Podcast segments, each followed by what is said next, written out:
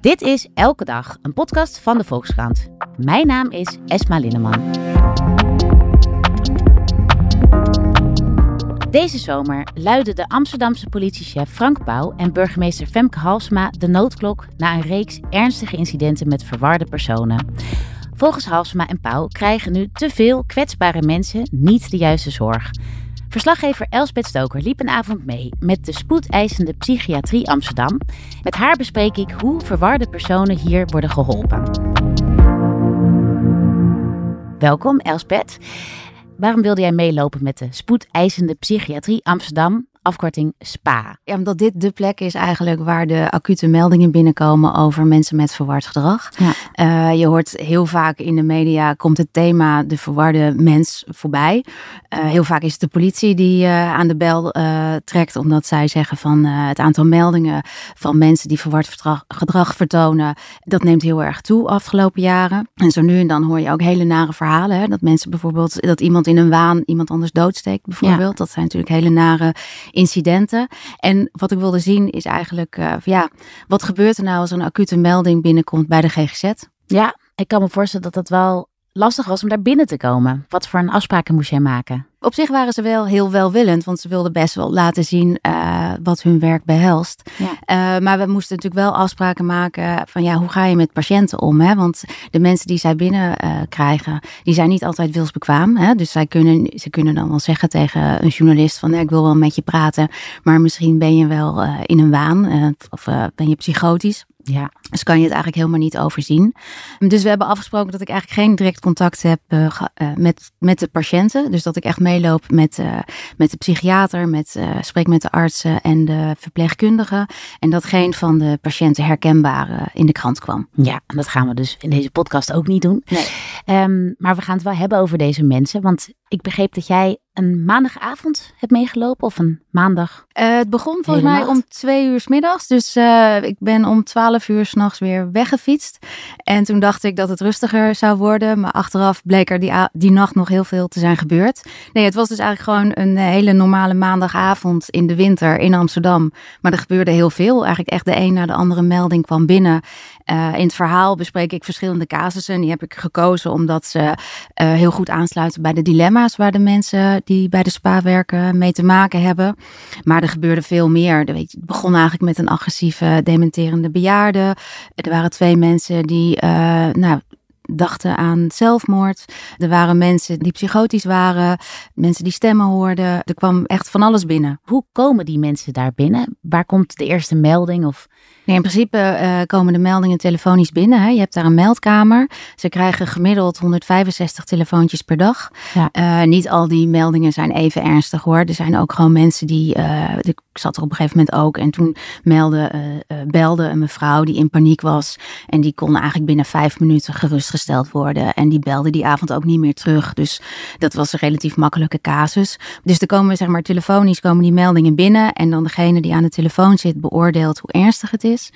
Uh, en of bijvoorbeeld een arts en een uh, GGZ-verpleegkundige uh, langs moeten gaan.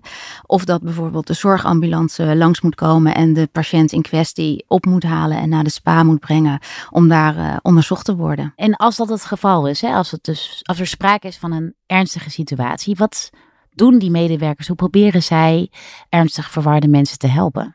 ja, het kan heel wisselend zijn, hè, want ze hebben echt, het, het gaat van uh, agressieve dementerende bejaarden, die worden naar een speciaal verzorgingstehuis uh, gebracht eigenlijk, tot toeristen die drugs hebben gebruikt en denken bijvoorbeeld dat ze kunnen vliegen, tot mensen die psychotisch zijn, tot mensen die agressief zijn. Dus het, het is een heel breed scala. Uh, sommige mensen zijn geholpen met een goed gesprek, andere mensen zijn geholpen doordat bijvoorbeeld familie wordt ingelicht en uh, ja, familie langskomt om hen te helpen. Anderen moeten gewoon hun, hun roes uitslapen en weer anderen worden bijvoorbeeld gedwongen opgenomen. Ja, heb je dat ook meegemaakt die avond, zo'n gedwongen opname? Er werden uiteindelijk twee mensen op een crisisbed opgenomen, ja. Ja. En dat betekent dat ze dan 24 uur blijven? Of wat betekent het? Nou, dat ze in ieder geval die nacht blijven. En dat de dag daarna met hun vaste behandelaars, want dit waren mensen die ook bekend waren binnen ja. de GGZ, wordt gekeken wat wijsheid is. Of dat die mensen uh, langer in een kliniek moeten verblijven.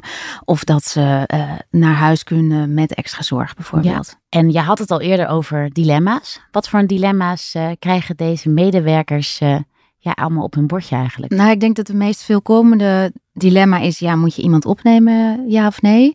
Er waren die avond twee mensen die eigenlijk zelf zeiden, ik wil heel graag opgenomen worden. Maar dat zei de psychiater die avond ook, je moet nooit iemand opnemen voor de zekerheid. Want uh, een opname kan heel zinvol zijn, maar het kan ook uh, uh, juist helemaal niet werken. Hè? Dat je mm. bijvoorbeeld iemand opneemt in een kliniek, waardoor je het laatste stukje zelfstandigheid van iemand wegneemt. Ja. bovendien, als iemand niet heel acuut is, dan heb je ook eigenlijk, ja, er zijn wel bedden, maar zulke soort bedden in de GGZ zijn schaars. Dus dat doe je ook niet, uh, daar moet je ook over nadenken. Dus ik denk dat het een van de meest voorkomende dilemma's uh, daar is van moet je wel, wel of niet mensen opnemen. Ja. En daarbij heb je ook te maken met familieleden. Er was ook één geval van een jongen die, dat was niet die avond hoor, maar dat, daar vertelde een arts over. Een jongen die, uh, nou ja, aanvankelijk een goede baan had gehad, aan de drugs was geraakt, zijn baan was kwijtgeraakt, zijn huis was kwijtgeraakt. En die jongen kwam uit het buitenland en zijn familie was speciaal uit het buitenland overgekomen om die jongen te zoeken. Hè? Ja. Die hebben in parken gezocht, onder bruggen gezocht. En die hadden hem uiteindelijk gevonden. En die brachten hem naar de spa in de hoop dat hij dan opgenomen zou worden. En dat gebeurde vervolgens niet. Nee, nee, want die jongen die was, niet, uh, die was geen gevaar voor zichzelf. Die vormde geen gevaar voor anderen. En hij wilde niet geholpen worden. Ja, ja en dat is natuurlijk enorm frustrerend voor die familieleden. Want die, zijn het, ja, die vinden... Die zijn de wanhoop nabij. Zeker, zeker. En die hebben het idee dat hun kind veiliger is op het moment dat hij in een kliniek is. Ja. Alleen je kunt dat niet altijd afdwingen. Nee, precies. En ik las in jouw stuk ook tussen de regels door, en soms werd het ook benoemd, een enorme werkdruk. Ja, ik was wel onder de indruk van hoeveel telefoontjes er binnenkwamen. En het ging, het ging maar door. En het gaat ook natuurlijk om hele serieuze beslissingen die er genomen moeten worden. Ja. Weet je, en het is natuurlijk niet elke avond zo druk, maar het was ook geen abnormale avond. Nou, en het was een maandagavond ja, ook dat nog ook. eens. Ja. ja. Ondanks het werk van instanties als dus de SPA, uh, zijn er geregeld incidenten met verwarde personen. Afgelopen zomer was er ja, een reeks zeer ernstige ja, situaties achter elkaar. De Amsterdamse politiechef Frank Pauw en burgemeester uh, Femke Halsma die sloegen alarm. Over welke incidenten ging dat? Ja, er waren inderdaad afgelopen zomer in Amsterdam een paar uh, nou ja, opvallend veel uh, ernstige incidenten. Uh, onder andere in augustus stak in Amsterdam West een man zijn onderbuurman neer en een andere ook. Eentje is daarbij overleden. Ja. Ook diezelfde maand uh, was er een Georgische verwarde man die op de pont andere passagiers bedreigde. En in oktober is in Amsterdam Noord ook iemand op straat neergestoken. Dat zijn overigens natuurlijk ook incidenten die elders gebeuren. Die zijn niet typisch voor, ja, voor ik Amsterdam. moet ook denken aan de medewerker van de Albert Heijn Ja. in Den Haag. Ja, Uh, dat is natuurlijk ook een een vrouw beetje. die in juni werd uh, doodgestoken. Ja, dat is natuurlijk een beetje een vergelijkbaar, vergelijkbaar geval.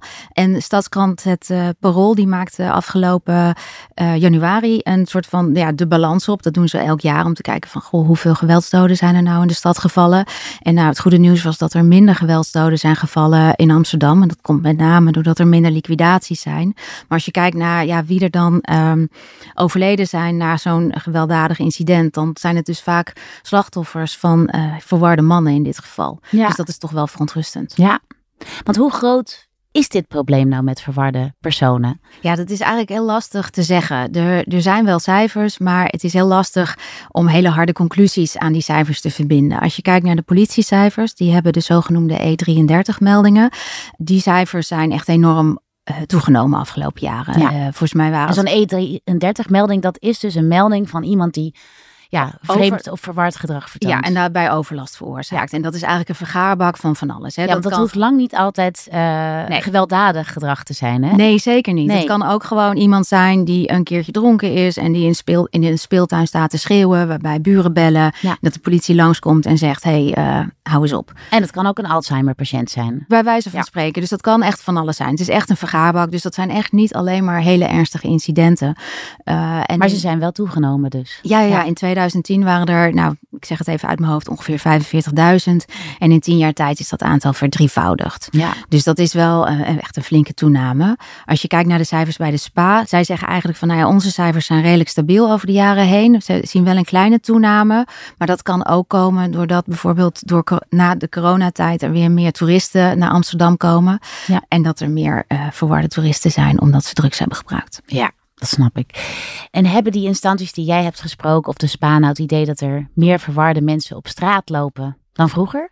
Nou, dat is denk ik lastig te zeggen. In die zin, de directeur van de SPA zegt wel heel stellig: er zijn niet meer uh, gevaarlijke verwarde personen die onze straten onveilig maken.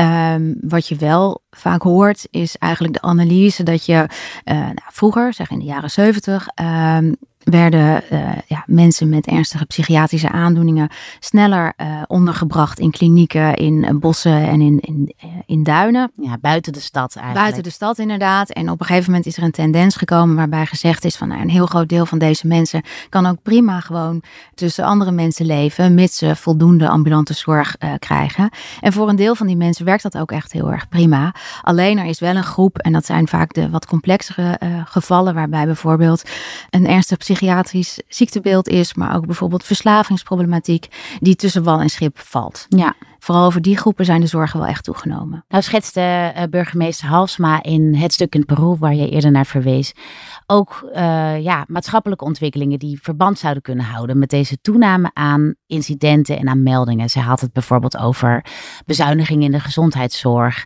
ik denk zelf misschien dat ook de problemen op de woningmarkt misschien wel een rol kunnen spelen. Uh, het aantal mensen dat uh, geen sociale woning uh, kan vinden. Zeker. Hoe kijk jij daarnaar? Zeker. En dat is ook wel wat je hoort vanuit het veld. Hè? Van bijvoorbeeld mensen die uit een gevangenis komen en nou ja, ook uh, psychische problemen hebben, die moeten ergens onder worden gebracht. En ja. heel vaak uh, is er geen woning. En ja, als er geen woning is, dan is de kans dat iemand opnieuw gaat ontsporen natuurlijk groter. Ja. Dus dat speelt zeker mee. Er is dus sprake van een spanningsveld. Uh, agenten zeggen wij zijn niet van de zorg en de zorg wijst voor naar de politie en zegt zij zijn er voor de veiligheid, zoals ik in jouw stuk. Hoe kijken beide partijen nou naar elkaar en waar zit de frustratie? Nou ja, het, het, gekke is natuurlijk, die partijen hebben elkaar gewoon heel erg hard nodig. En je hebt bij de politie, zo, zie je dat daar gewoon een enorme werkdruk is. Uh, die werkdruk is natuurlijk mede toegenomen omdat er gewoon heel veel meldingen zijn over uh, mensen met verward gedrag. Ja. Uh, ik heb ook Bouke Koekoek hierover gesproken. Hij is lector aan de Hogeschool Arnhem en Nijmegen en aan de politieacademie. En hij is ook crisisdienstverpleegkundige en eigenlijk gespecialiseerd in die samenwerking hè, tussen de politie en de GGZ. En hij zegt eigenlijk van nou, ja, afgelopen tien jaar is het echt wel een stuk beter gegaan. Maar zo nu en dan zie je gewoon dat die discussie zich verhardt. en dat kan, komt aan de ene kant door de werkdruk. Uh, aan de andere kant misschien ook omdat de politie misschien te hoge verwachtingen heeft van de uh, GGZ-crisisdienst. Dat ze denken van, goh, we hebben hier een verward persoon. We, uh, we bellen de crisisdienst en die gaat het helemaal rechtbraaien. Maar zo simpel is het vaak niet. Hè? Want je kunt, het zijn vaak hele lastige situaties en je kunt niet altijd iedereen opnemen. Dus voor hetzelfde geld loopt die verwarde persoon de dag daarna weer rond. En dan komt die agent die persoon weer tegen. Ja. Dus dat leidt natuurlijk tot, tot frustraties. Ja, en in jouw stuk was bijvoorbeeld er was ook een situatie van, als ik het goed begrijp, een verpleegkundige die naar het politiebureau ging en terugkwam van ja, dit was niet een verwaard persoon, dit was gewoon een, een boos persoon. Ja, dat klopt. Er ja. was inderdaad ook, ook een casus van. Nou ja, dat kan gewoon gebeuren natuurlijk. Ja, maar die, dat inschatten lijkt mij heel erg lastig. Ook bij die meldingen. Want de politie Tuurlijk. krijgt zoveel meldingen binnen. En ja. die variëren enorm. Ja, en, en wie schat dan wanneer in uh, welke hulp geboden ja. moet worden? Nou ja, dat is ja. natuurlijk ook lastig. En daar zijn natuurlijk agenten ook niet specifiek op getraind. Dus ik snap nee. best wel dat zij dan ook hulp inschakelen van de SPA. Ja. Ja, en in dit geval was het gewoon dus een boze meneer die daar kon blijven zitten. Want uh, boze meneren mogen daar uh, mogen lekker op het politiebureau blijven zitten. Ja. Maar voor hetzelfde gel geld was het wel een verwarde persoon die hulp nodig had. En die dus bij de SPA eigenlijk de be betere zorg zou kunnen krijgen dan op het, uh, op het politiebureau. Ja, precies. En nou begreep ik uit cijfers dat als er sprake is van politiegeweld, dat het dan heel vaak om verwarde personen gaat. Dat ja, laat dat het klopt nog meer zien. Ja. ja, er is een uh, hoe ingewikkeld en complex dit dossier is. Ja, ja, ja, deze, ja want uh, vorig jaar is er een onderzoek uh, uitgekomen van bureau Beken en die hebben gekeken naar wat was er nou precies aan de hand bij fatale uh, incidenten met politieagenten. Ja. En daaruit bleek dat uh, eigenlijk 84% van de mensen die stierven na politiegeweld uh, verward gedrag uh, hadden vertoond. Ja. En dat is natuurlijk hartstikke pijnlijk. Hè? En dat Want wil iedereen voorkomen. Ja, zeker, zeker. Nou ja, dus die incidenten zijn niet altijd te voorkomen, maar um, ze nemen wel toe. En ze zorgen soms ook voor ja, heel veel onrust en spanning in de samenleving. Hoe kan het nou anders? Kan het beter? Wat voor initiatieven zijn er nog meer? En ideeën? Ja, nou dat is natuurlijk een hele, hele brede vraag. En als je verschillende instanties zal vragen, zal je vast overal een ander antwoord krijgen. Maar wat je denk ik wel heel vaak terug zal horen in de antwoorden is uh, betere samenwerking, betere kennisdeling. Daarvoor pleitte bijvoorbeeld uh, uh, Jeroen Soeteman, de directeur van de SPA, ook in het artikel. Hij stelt bijvoorbeeld dat het goed zou zijn als er één meldpunt komt voor mensen met onbegrepen gedrag. Dus, en dat je daar, want nu zijn er heel veel meldpunten. Hè. Je kunt 112 bellen als je buurman uh, verward gedrag vertoont. Je hebt een GGD-nummer, je hebt een gemeentelijk nummer, je hebt de verschillende GGZ-instanties hebben ook nog een nummer. Je hebt de, het nummer van de SPA, dus er zijn heel veel nummers die je kunt bellen.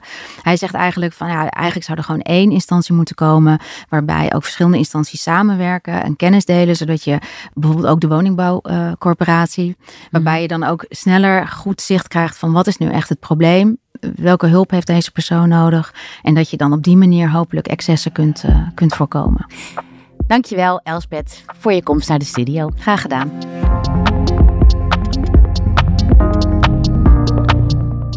Luisteraar, hartelijk dank voor het luisteren naar de Volkskrant Elke Dag.